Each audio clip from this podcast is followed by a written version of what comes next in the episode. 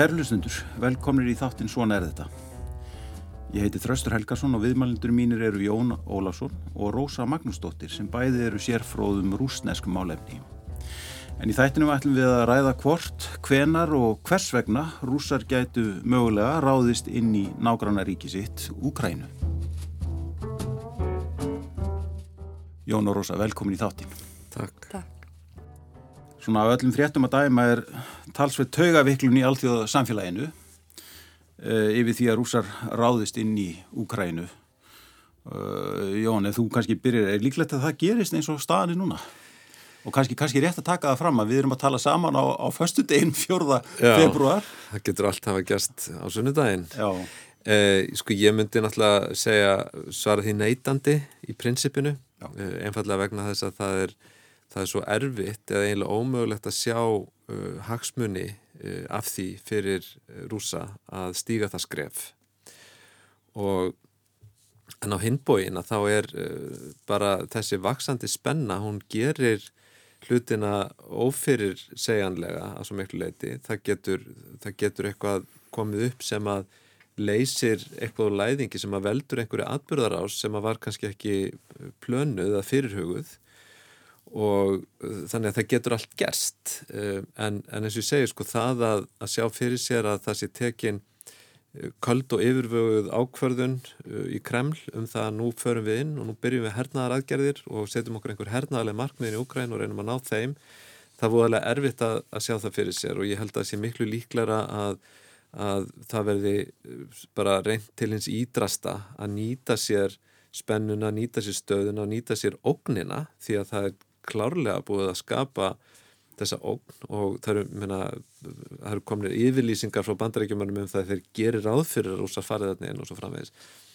Þannig að ég held að það sé líklega en á, á sama tíma sko bara að, það getur allt gerst sko. já, er þetta svona eitthvað svona strategíst eða taktíst samtal sem þarna fer fram bara þessa dagana, svona þess að uh, Pútín er að nikla vöðan og, og sína sig eitthvað á belgja en er, er, er ekkert á bakvið þetta eða hvernig er það, Rósa?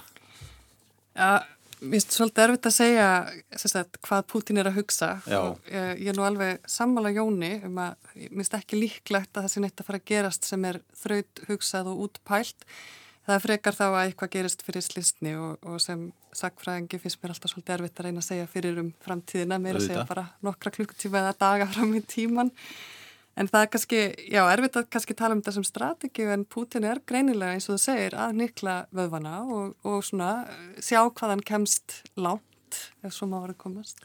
En það er ekkit ólíklegt sko, þú veist, ef maður hugsa um, ok, hvað myndi gerast ef, það, ef eitthvað hernaðlegt gerðist, sko, þá, þá gæti maður, sko, nú hafa bandaríkjaman verið að, að tala um það að, að það hafi, þeir hafi flett ofan af einhvers konar ráðabruggi um það að nota einhvers konar tilbúna atbyrðarás eða jáfnvel sviðsetta uh, sviðsett átök sem að rúsa myndu nýta sér til þess að fara inn sem réttlætingu.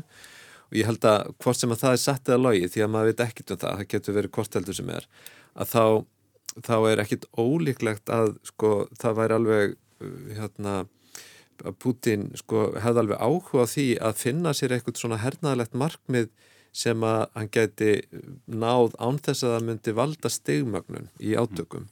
Og, og það hefur hérna hann komið fram sko í svona umfjöllin að það er uh, dæmið frá Kosovo uh, 1999 hvað árið það var þegar að rússar tóku flugvellinni Pristína. Já. 1999 þá var Putin fórsetisæðura og, og það hefur, hann hefur vitnaði það sjálfur sem alveg einstaklega vel hefnaða litla aðgerð af halvu rússa. Þarna, þarna styrkjaði stöðu sína, þeir komu uh, hérna brettum og öðrum sem voru þarna algjörlega óvart og þeir náði rauninni furðulega sko uh, miklum árangri með þessa litlu aðgerð. Ég held að sko það er eitthvað sem væri öruglega aðlaðandi en, en bara þegar staðin er svona spennt að þá er voðalega erfitt að ímynda sér sko að fólk vilji taka slíka áhættu mm -hmm. að því um leið og þeir krossa línuna þeir hafa náttúrulega neitaði þeir hafi nokkuð með þessi máli í Donbass og Lugansk að gera um leið og þeir fara yfir þá línu og eru komnir í byrjaður að gera eitthvað þó það sé bara að senda einn dróna eða eitthvað slíkt þá er það, þá er erfitt að sjá hvernig snúið tilbaka úr því. Einmitt. Það, rússar eru komni með stóran hluta af herliði sínu þarna að landamærunum. Það, það er, er raunverulega ógnið ekki, ekki. Já, það er nú spurningin, hvernig, hvernig, uh, hvernig maður á að leggja þetta hernaðlega matta, það? Er alltaf verið að það er einhver tala, hérna 100.000, 120.000, 130.000 sko uh, hva, hva, hvað það þýðir nákvæmlega, þýðir það að það er hægt að taka all úkrænu með því hellið, ég hef nú miklar efasendur um það, þó ég hef lesið ímsa uh, fróða menn haldaður fram. Já. Það er kannski hægt að taka úkrænu ef er engin mótspilna um, svo eru þeim með helliði norður landamærin hjá Kvítarúslandi, það er gríðarlega mikil uh, virkni út á svartahafinu. Eitt svona hernaðscenarjó er að þeir vilji gera Úkrænu landlugta log og það er, það er alveg ríkalegur skellur fyrir Úkrænu að hafa ekki aðgang á svartahafinu, jáfnvel þó að það væri bara tímabundið. Þannig að, að sko uh, hvað eru með að herliði, hvað herliði er að gera, hvað getur gert, ég held að, að sko það sé voðalega erfitt að segja til um það. Og Og, og, hérna, og það fyrir líka eftir í jafnvel þó úkrænumenn fengju enga hernaðarlega aðstóð þurftu bara að mæta rúsnarskum hér, það er líka mjög erfitt að segja hvað hvers þeir eru uh, hvað þeir getur gert sko, úkrænski, hvað úkrænski herring getur gert. En hva, hvaða augum sko líta, sko lítur almenningur í Úkrænu rúsa og Pútín. Rúsa? Sko Úkrænumenn eru hvað 44-45 miljónir Já. og það fenn nú alveg eftir því hvert maður er að horfa í Úkrænu hvað fólki finnst um Pútín. Og ég held að einmitt sko margir hafa verið að benda á við þurfum svolítið að vera að horfa á hvað er það sem Úkrænumenn vilja að fá útrussu ekki bara og, það, og það, maður fær ekki eitt svar sko eftir hvern maður er að spyrja á hvaða svæðum gjur ólíkt örgla hérna í Vestur-Úkrænu með að við þess verum að sjá í Östur-Úkrænu og sko það má ekki, ef við erum að ræða þennan herabla sem auðvitað er ógn í augum, já, úkrænumanna og okkar allra sem erum að fylgjast með, að það mást ekkert gleyma því að það hafa verið átök og rúsar hafa verið að ógna uh, úkrænumannum á margskunar annan hátt. Og þess að úkrænumann hafa búið við þessar net árásir og, og gríðlegt upplýsingastríð í, já, lámark átta ár frá Krímskaga og ennþá lengra aftur í tíman ef við erum að horfa á, hérna, horfa á þessa sögu. Þannig að það hafa verið alls konar leðir til þess að okna og standa í stríðsræstri í uh, þessum löndum, mm. já, í, í Úkrænu og, og Úkrænumenn eru, já, hafa margskonar skoðanir á þessu, myndi ég segja. Já, þú, þú segir austur og vestur, því austar því meiri stuðningur þá við, við Putin eða hvað? Já. Já, sennilega. Allavega sko, ef maður hugsaður um þetta út frá identitetti, að þá er, eh, þá er, er alveg sko vestur, vestur ukrainsku héröðin tengja sig ekki stert við Rúsland. Tengja sig, og það er sér náttúrulega djúpar bara sögulega mm. skýringar, tengja sig meira við löndin sem eru til vestan, til, til vesturs frá þeim og Og, og sjá sig sem hluta miða-Európa og eitthvað svona meðan í austur hérðanum að þá er, miklu, það er líka miklu blandari uh, blandari íbúar sko, það er miklu meira af fólki þar sem hefur komið inn sem hluti af sko bara innvæðingu Sovjetríkjana og allt það, þetta er náttúrulega Rússar, Rússar, já, já, náttúrulega langt mest og, og sko kannski getur maður sko frekar en að segja að það sé einhver stuðningu við Rússa í Östuhjörðanum og, og andstaði við Rússa í Vestuhjörðanum að það er kannski identitetsspurningin er veikari í Östurhjörðunum þannig að það er líklæra að fólk myndi bara ekkert hafa allt og miklar áhyggjur af því þó að það verði allt í unn og verði partur á Rúslandi, skilur við, mm -hmm. meðan að, að þetta, ef þú fer vestast í Ukrænu, væri óhugsandi, þar myndi þar myndi maður sjá fyrir sér sko bara öfluga skæruleiða sko ef það er því rúsnast hernam bara eins og var hérna eftir stríðið sko. Það málega segja að Pútin hafi meiri áhuga á fólki sem að identifísera sig með Rúslandi í austuhjörðunum heldur en kannski það fólk hefur áhuga á Pútín. Kannski, já. já Hann hefur verið að fjóða vegabref og, og reyna að koma hérna, fólki til liðs mm. við sig í Úkrænu. Já, mitt. Já, það er náttúrulega stórmerkild hvernig sko, þeir sem eru í austur-Úkrænu hafa bara getað gengið að Rúslandi mm -hmm. vegabrefum eins og ekkert sé, sko. Já. En sko þetta er sko sannlega hótun um innrás og og sko en ef við tölum um þá aftur um bara sambandi millir rúsa og í Úkrænu mann núna akkur, akkurat á þessum tímapunkti og mér langar til að fara síðan í söguna á eftir en sko En sko þessi hótun, hún, uh, sko, um hvað snýst hún? Uh, er þetta snýst þetta um það Ukrænum en haldi, haldi sér á móttunni eða hvað er það sem að, til dæmis, uh, nú hefur verið talað um yngöngu Ukræn í NATO og eitthvað svona, er þetta, snýst þetta um það? Er þetta, er þetta svona pólitísk hótun eða hvað er það sem að? Sko ég held kannski að með skipta þessi tvent sko, það er annars vegar allþjóða pólitíska málið sko, það er að segja deilur eða, eða átök rúsa við NATO og við áform NATO og ósætti þeirra við hvernig NATO hefur teikt sig austur á bógin og það er náttúrulega eitthvað sem að Úkræna er bara óbeint þáttakandi í. Uh, og síðan er það, er það rússar gagvart Úkrænu sjálfri. Og, og ég held að, að, hérna, að sko, það, sem sem hefur gerst ef við horfum á bara svona orðræðina innan Rúslands og það sem maður hefur séð í rúslandsku fjölmiðlum í rauninni já, ég myndi nú alveg fara 15-20 ára aftur í tíman mm -hmm. sko, að það er bara endalaus uh, óhróður um stjórnvöld það, náttúrulega sérstaklega eftir 2014, en það var líka eftir 2004 þegar á tímabilun sem að Jusenko var fórseti, lindi aðeins þetta tímabil sem að Janukovic uh, var við völd fjögur ár þarna til 2014 en byrja síðan aftur og, og það er rauninni það er bara linnulaus uh, hérna, áróður eða óróður sem að gengur út á það að fasistar hafi rauninni tekið völdin í Ukrænu mm. og þetta á sér bara þær sögulegu skýringar að, að svona innan Sovjetríkjana þá var þessi ótti við ukrænska þjóðuninsíkju alltaf alveg ótrúlega sterkur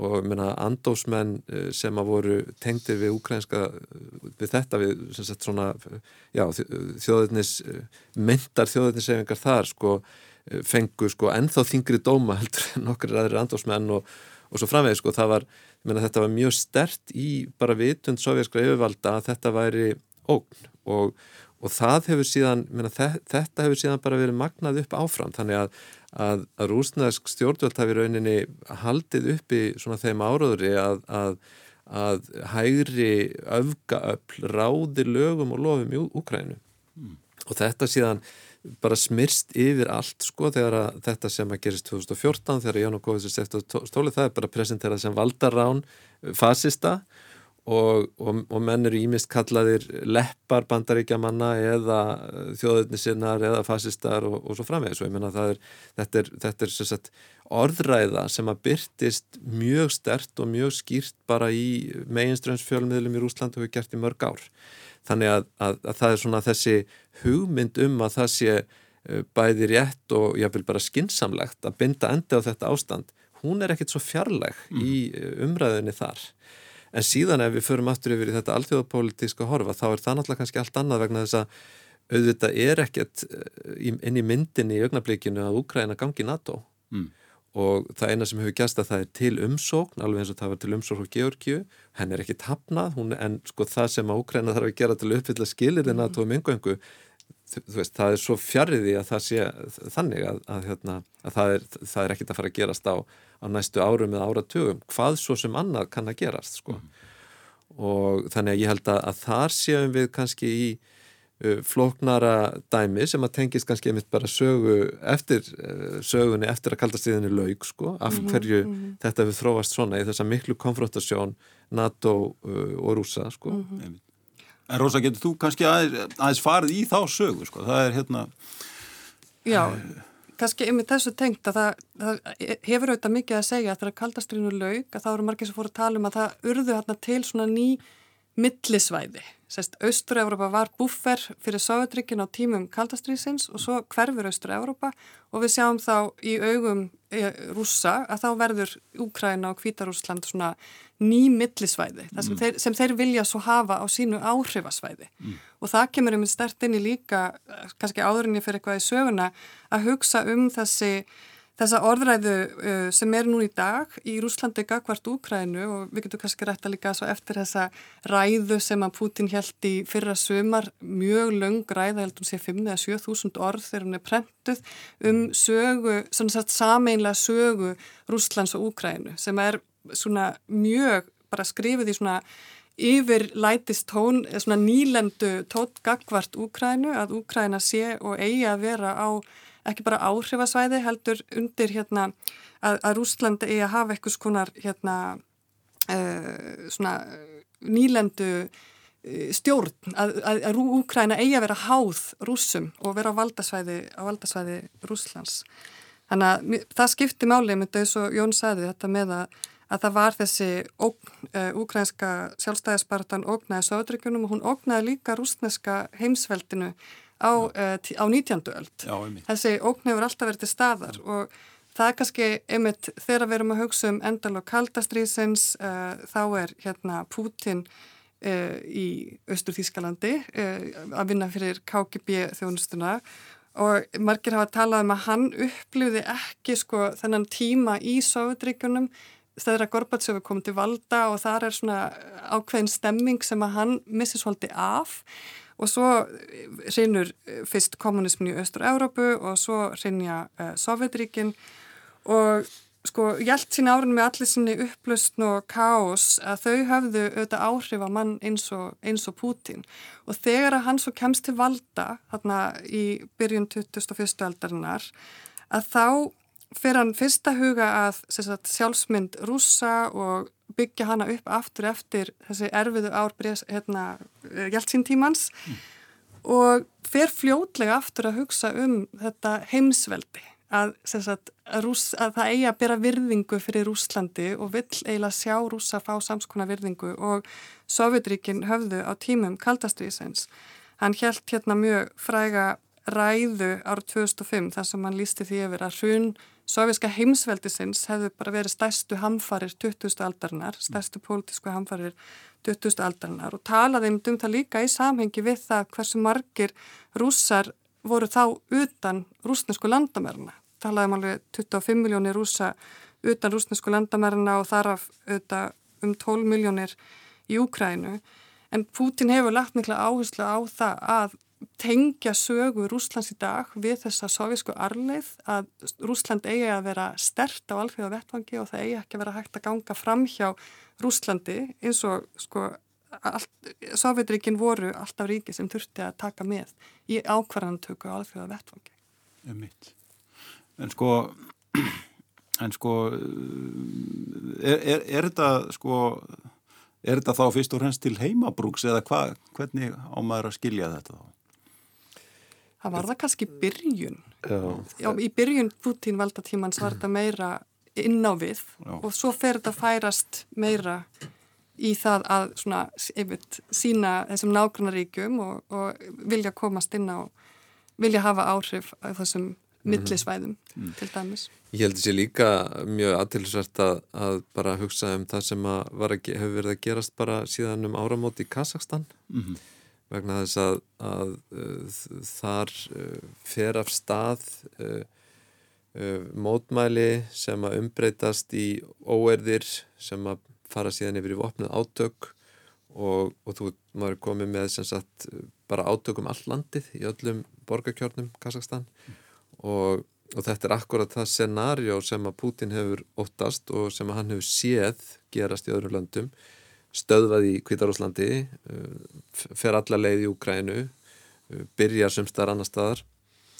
Og, og, og þarna er uh, í rauninni virkjað bandalag sex fyrirhandi sovjetliðalda sem að koma þarna inn og leysa málinn fljótt og vel. Og ekki bara það heldur hefur Putin tögl og haldir, rúsar hafa tögl og haldir í Kazakstan eftir þessa atbyrðar ás, það er að segja fósettin er mjög háður þeim þó að það kannski sjáist ekki alveg á yfirborðinu.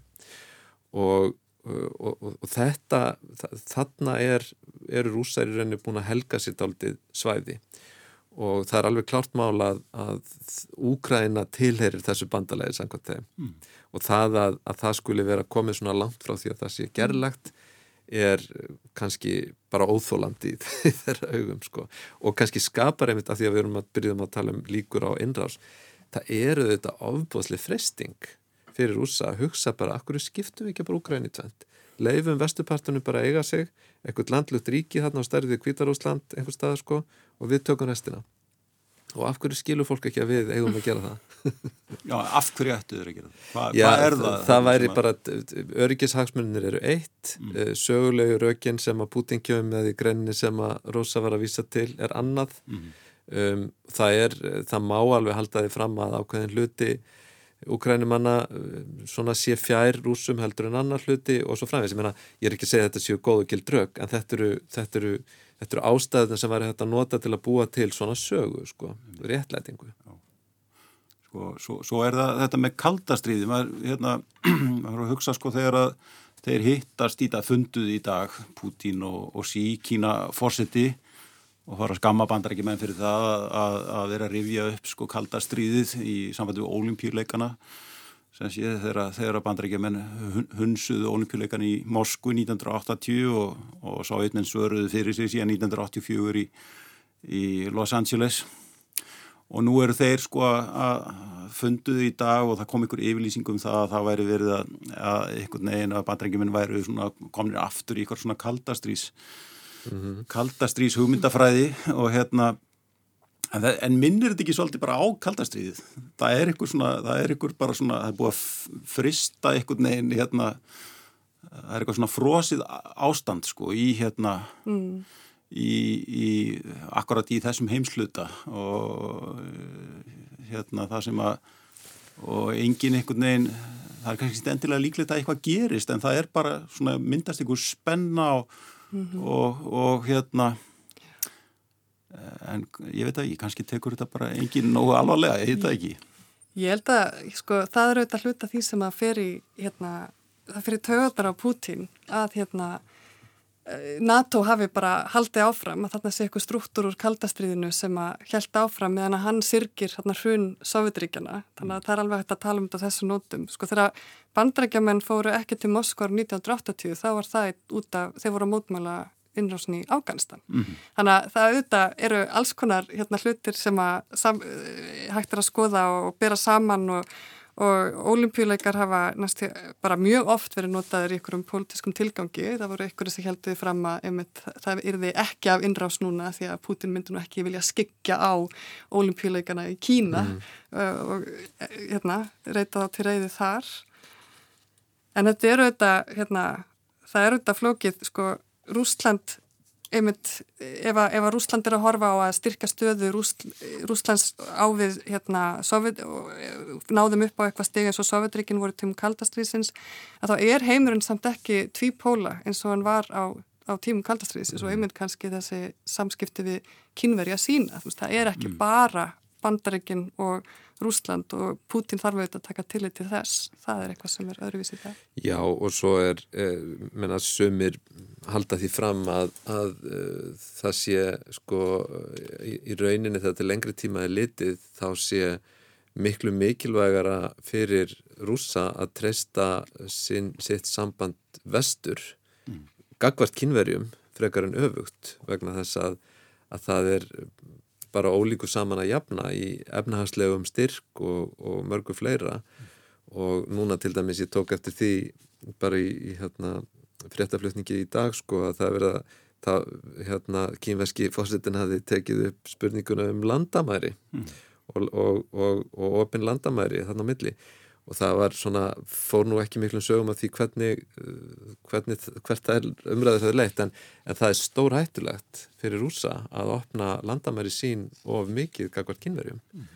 og, og það hefur verið, menna, í, í að þú tekur, sko, um tekur austurhjörðin frá Mongóli og austur úr, sko að þá hefur mikið kapp verið lagt á það að, að halda þeim landamærum mjög vel ekki alveg lokuðum þetta en, en það er ekkert, sko, það streym ekki þar yfir streym ekki þar yfir fólk frá Kína. Þannig að ég held að sko það, það er miklu, það er, það er alls konar óvisa fólkin í tengslunum við Kína sem að, að er mjög óhyggilegt fyrir Putin að, að sko eh, gera lítið úr mm. til lengri tíma. Sko uh, Putin fundaði líka með Erdogan í vikunni þetta er svona kannski hérna í, í hugum hérna eh, líðræðis ríkja eða líðræðis hérna, hérna í vestur heimi þá er þetta kannski ekki neitt sérstaklega góðu félagskapur en, en sko hva, hva, hverjir eru hérna hverjir eru bandamenn rúsa eiginlega? Já. Sko Tyrkir eru það eiginlega ekki. Þeir eru náttúrulega ekki, þeir eru að selja úgrænum ennum vopn það var nú verið svona stuttur þráður á milli, stutt í, í hérna skapa ofsan á milli Erdogans og Pútins Erdogan stendur hins vegar frekar veikt núna að mörguleiti. Það er svo erfitt að, að átt að segja þessu, ég menna þetta er náttúrulega uh, Putin er, er, er ekki sko, hann kann að notfæra sér tækifæri. Þetta kannski hljómar eins og ég sé að segja sér tækifæri sem hann er það auðvitað einhvern skilningi en hann er fyrst og hennst maður sem að heikar ekki við að nota tækifæri sem kom upp. Ég held að krím innlimunin síðan í það best. Og það er miklu frekar það sem enkenir hann frekar en einhver svona stór strategía.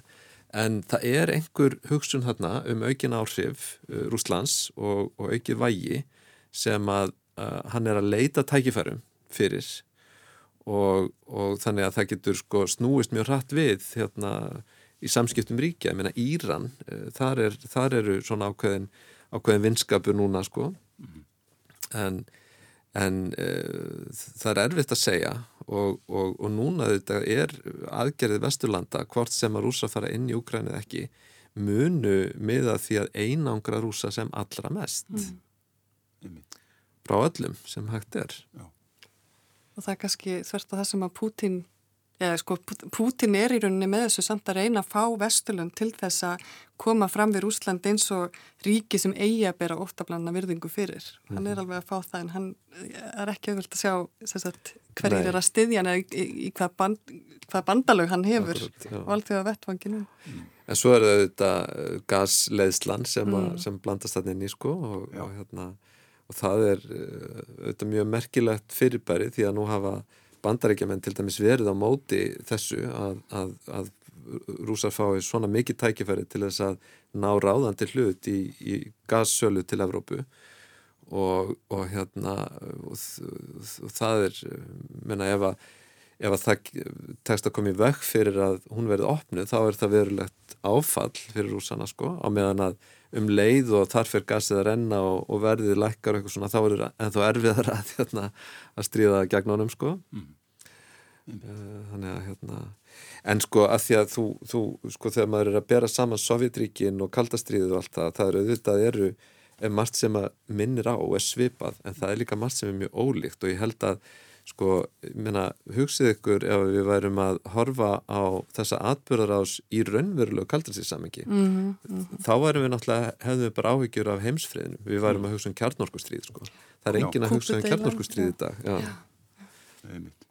Hva, hvað myndi sé, hvernig myndi þetta að horfa við ef, ef af þessari innrás yrði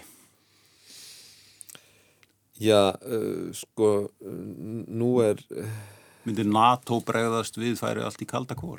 Sko það, það er náttúrulega mjög aftur líklegt ólíklegt. Það er ólíklegt að NATO myndi bregðast við hernaðarlega, það er eiginlega útilokkað. Mm. Þannig að, að svo stigmögnun, eh, sko það er ólíklegt að rosa færi en það er enþá ólíklega að það verði stigmögnun í hernaðar átökum, mm. jáfnvel þó að þeir færi.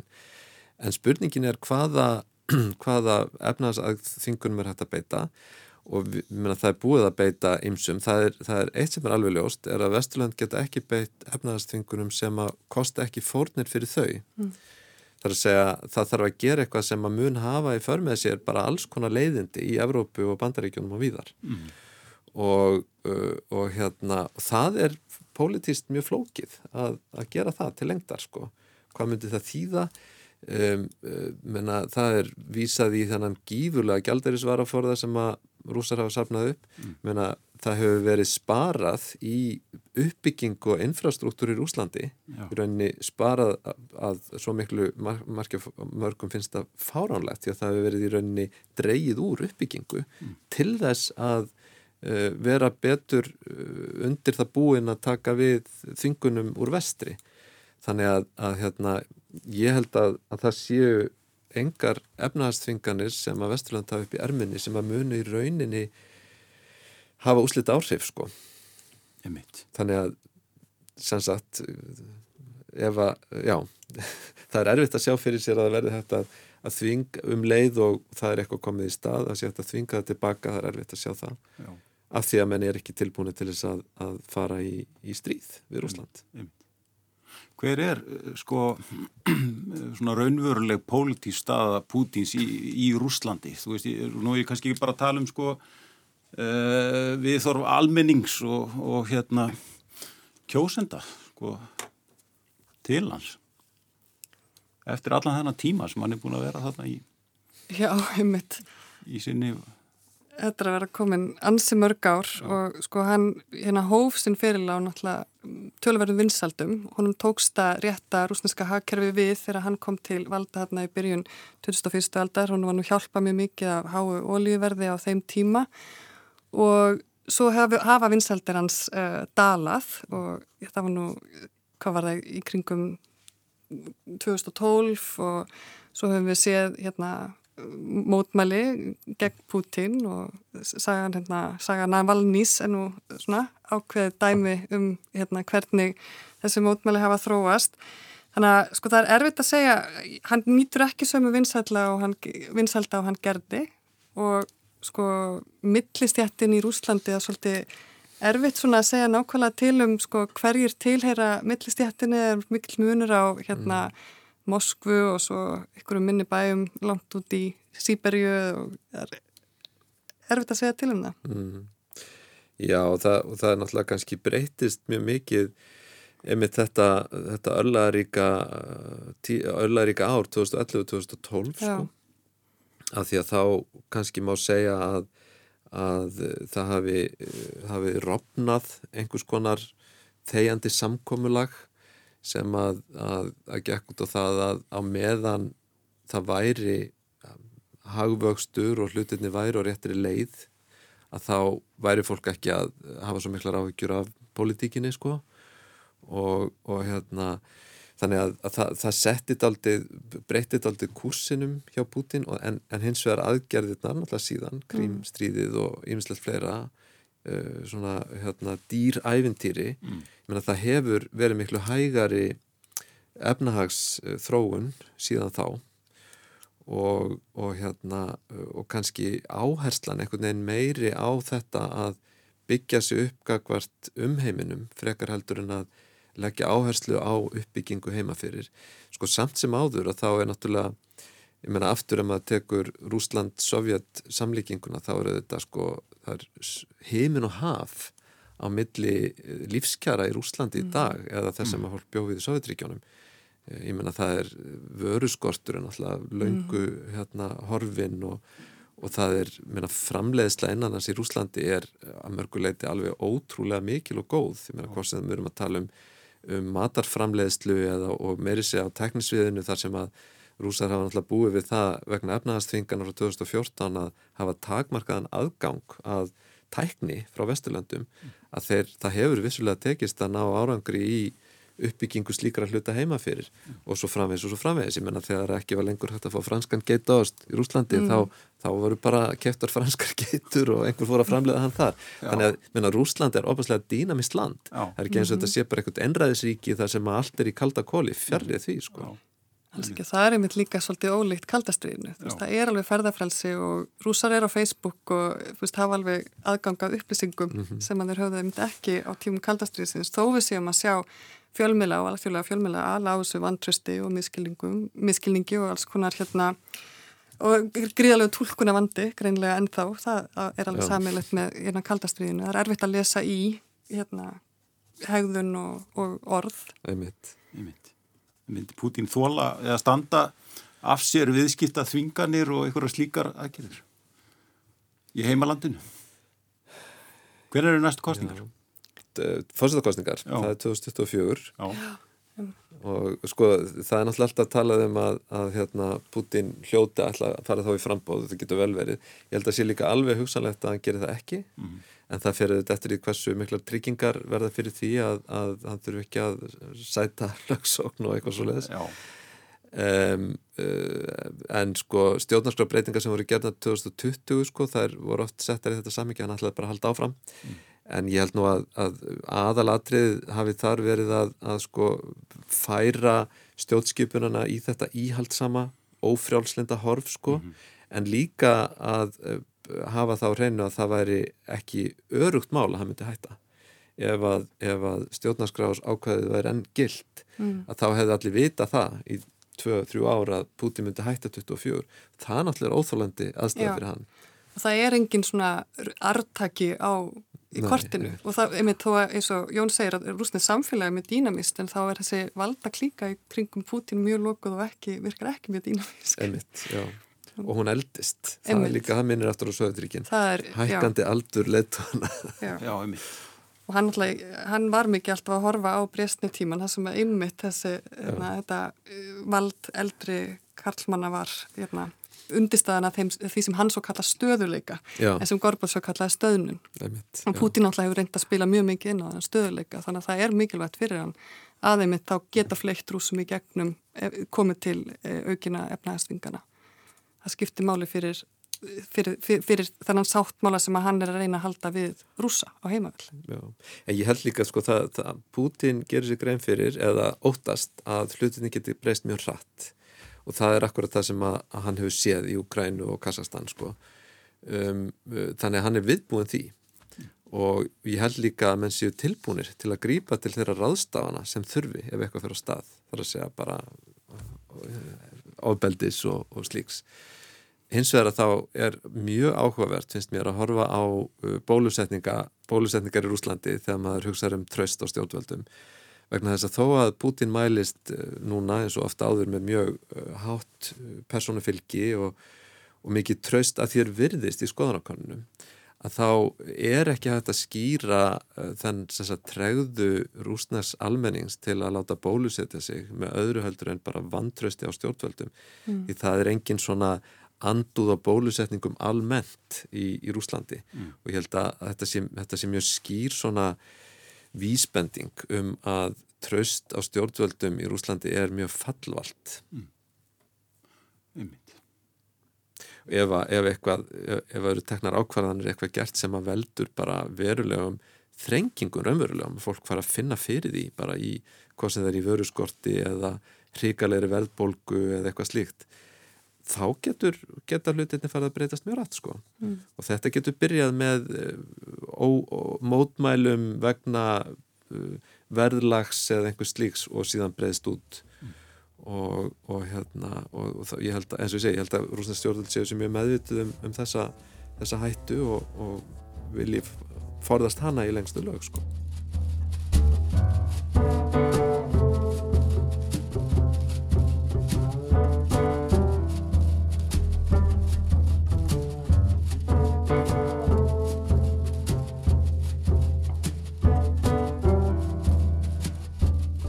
Kæru lustundur, ég heiti Þröstur Helgarsson og þið eru að hlusta á þáttinn Svona er þetta. Gestir mínir að þessu sinni eru Jón Ólason, heimsbyggingur og Rósa Magnúsdóttir, sakfræðingur. Í þessum þáttum hefur rætti forunilegt fólk úr ímsum kemum samfélagsins um reynslu þess og viðhorf. Úlvar Bragason rætti um myndina af Snorra Sturlusin í Íslendingabók Sturlu Þorðarssonar. Hægt er að hlusta á Svona er þetta í Spilarrúf og í öllum helstu hlaðvarps veitum. Já, ég held sko að, þeir sem hafa verið að gaggrina þessa mynd og segja hún sé mjög neikvæð, hún er alls ekkert að öllu leiti neikvæð og hún er bæði ákvæð og neikvæð og uh, sko það er ekki neitt uh, ránt við það að, uh, að segja kost og lesti á fólki sko, það er flestir sem hafa bæði kosti og lesti og uh, þannig verður náttúrulega myndin miklu uh, miklu marg brotnar ja, við getum sagt að af þeim bræðrunum þremur, þeir, þeir eru nú einna bestu uh, mannlýsingarnar í sögunni þá er snorri marg brotnastur og, og, og ganski erfiðast að átta sig á honum Rósa, sko, ég, ég er áfram forvitinum Pútín. Mm -hmm. Hvernig myndur þú lýsa honum sem stjórnmálamanni eða valdamanni eða hvað við tölum um? Ó, mér finnst það erfitt að koma með eitthvað eina lýsingu á Pútín. Hann er búin að vera þarna lengi. Kanski ef við hugsaum um það í samhengi við þess þessi tengsl við, því við vorum að tala um hérna tengsl við bandreikinn og samskiptans við við bandaríska forseta, hann er nú búin að vera í samskiptu við fimm bandaríka forseta, mm. það ekki Clinton, Bush og Obama, Trump og núna Biden og sko þegar að e, það má, því er oft haldið til haga þegar að árasendnar í bandaríkjunum 11. september 2001 átt sér stað, þá var Putin fyrstur erlendra þjóðhauðingja til þess að ringa í Bush og bjóða fram svona, já, sína stöðning og bjóða fram aðstöð og vildi þá einhvern veginn sína fram á að hann og hérna bandarikin, hann og Bús væri núna hérna, samin, saminaður í þessari baráttu við, við hriðiverkamenn sem væri þá sam, hinn sameinlega ofinnur. Svo hérna þegar að bandarækjaman fóru fram hjá örgisræði saminuðu þjóðana ár 2003 og reyðustun í Írak eh, þeir fóru fram hjá örgisræðinu þar sem að rússar höfðu neitunavald að þá fannst Putin hérna, gengið fram hjá Rúslandi og það, svo hefur þessi veist, hann hefur ekkert nefn elst og styrst sem leiðtogi út af því hvernig honum finnst sagt, til dæmis bandarækjaman koma fram við sig á þessu hérna alþjóðasviðu. Þannig að það hefur einhvern veginn alltaf haft svolítil áhrif þetta samspil, hvernig honum finnst honum tekið þegar hann reynir að stíga inn í eitthvað eins og þarna samskiptin við bandarækjaman og reyna að fá hérna að hafa einhver áhrif á, á því sviði. Að hans, sko, hann, hann hefur hérna, hann hefur orðið meira meira gaggrininn á þessa heimsýn þar sem honum finnst bandarækjaman mjög dominerandi og mér finnst það, sko, það flækir alltaf þessa mynd af Pútín sem, sem einstaklingi, hann er ekki alltaf alveg, já, jú, kannski er hann alltaf samkvæmið sjálfum sér, að hann bregst, e, e, í því hvernig hann bregst við, sko, en hann reyndi, hann var með svolítið útrétta hend, náttúrulega með einhagsmunni að leiðaljósi. Já, ég, einmitt, hann hefur breyst líka. Það já, er, hann hefur breyst. Hérna, stundum hefur hann verið talað um Pútín 1 og Pútín 2, sko, það já. er alltaf annar karakter sem byrtist 2012 þegar hann kemur eftir þetta fjögur ára fórstatímabili með Dvétjafs, þegar hann kemur í annað sinn, sko. Já. Já, var ekki tekið eins vil og hann Nei. átti vona á. Já. En talaðu með þess að samskiptum við bandarísku fórstamanni finnst nú eins og hann hafi bara haft þá í vasanum einhvern veginn. Já, ég, ég held nú sko að þetta kannski sé meira svona það sem að, uh, það sem að virðist heldur inn í mm. raun og endur spekla kannski meira bara ólíkar ólíkar þarfir uh, Pútin ræður fjölmiðlu um, umfjöldunum sig mjög mikið uh, ef þú horfir á frettir í rúsnarska sjónvarpinu þá eru fimm fyrstu frettirnar alltaf með Putin í aðalutverki ég vil sjö fyrstu frettirnar Já. og það er nú svona eh, dæmigerða fyrir einræðisíki þegar mm. leðtóin er í hver einustu frett þannig að, að meðan að, að bandaríkin og vestræns samfélag eru svo miklu um, dýnamískari og fjölbreyttari og engin ráðamadur getur stjórnað fjölmiðlagumfjöllin þar þannig að, og þar er ekki Pútin þarf á þess að halda heima fyrir að virðast vera með eh, hlutin á hreinu og alla í vasanum og stjórna atbyrðar á sinni þannig að ég held að það sé nú eh, stór partur í þessu, það skiptir engu máli fyrir bæten hvernig það lítur út gagvart Putin það bandar ekki með mér alveg saman það. En þetta er líka annað sem er svipað og á tímum Sáðuríkjana að Sáðumenn hvertu oft undan þessum öru hérna, leitvaskiptum í bandaríkjunum. Og það, hérna, þeir horfðu, við höfum stöðuleika en í bandaríkjunum er ekki, það, það skipt bara um, um stjórnvöld á tveggjóra fresti með kostningum í bandaríkjunum í þeirra eigum og þeir höfðu þetta er bara ávísun upp á káos og, og ruggl og þannig eiginlega lítur Putin svolítið á þetta líka hann er, með, hann er svona fulltrúið þessa stöðuleika sem að sumur eru farin að kalla putinisma mm. horta það utanfrá og finnst þetta bara óreiða í bandaríkunum tíðlega tóaskipti og, og náttúrulega meina, þessi, þessi stjórnarskróbreytingar Putins fyrir tveimur árum að það náttúrulega gera uh, draga úr þessu frjálslindis yfirbreði mm. ríkisins sko, staðskipunarinnar mm. En það er kannski annað sko því að við höfum verið að tala um sko endal og kaldastrýsin sem ég held að skipti máli varðandi Úkræn og það er, eru þessir svona samningar sem eru gerðir sko. Það, það minnst oft gleymast að, að sko, uh, sko hérna, þegar Sovjetríkinn hrinja að þá er, uh, þá er kannski Jeltsin eh, ekki á öllu leiti prímusmótur þar heldur, heldur sko leikur Úkrænufósetti algjört leikil hlutverk í þeirri atbyrðarás og, og sko hluta til mætti segja sko um, uh, það er aldrei merkilegt að, að þessi hérna, þetta bandalag sem að þá myndast mm. á milli Úkræn og Rúslands sem að gengur út á það að, að hérna að Úkrænufásettirunni lýsir því yfir að ekki undir neinum kringumstæðum muni Úkræna fallast á sambandsáttmála sem að Gorbatsjöf hefði þar á borðinu. Þetta var í rauninni banabittin, þetta var náðarhöggið mm, fyrir Sovjetríkin, ekki neitt sem að Jeltsin gerði að það sagði. Og, og, og það er daldi magnað að sjá sko hvernig hvernig í rauninni það samkomulag sem að þarna er um landamæri, Ukrænum en aðfinda sín kjarnorkuvopn að, að sko Putin virðist alveg fyrir munað að meta þetta eða gera nokkuð úr þessu svona í, í uh, alþjóðapolítískum skilningi sem að þó væri alveg hægt að gera augljóslega.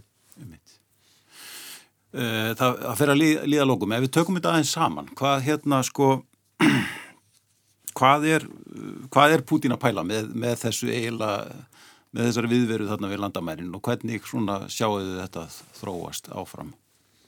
Sko einn kenningin er svo að hann er í raun að reyna að leiðrætta þessa sögu frá um mitt 1991 að hann vilja einhvern veginn rétta við hlut Rúslands á gagvart bæði þessu millisvæði, gagvart Úkrænu og svo gagvart alþjóða samfélaginu og, og ég minna hann heldur í rauninni Úkrænu núna í ákveðinu gíslingu því að hann vill fá sitt fram, hann vill einhvern veginn fá einhverja viðkennunga á því að hann eigi rétt á, á, á þessu svæði að hann, hans hérna, rött skipti máli. Já, ég held að það sé einmitt rétt orðið, það er gísling, það er, það er staðan sem að mm. Úkræna er í og, uh, og hérna og, og það kannski menna, það er ef maður spyrir þessu spilinu hvað er hann að hugsa sko, ég held að Putin sé að, að býða líka mm. Mm.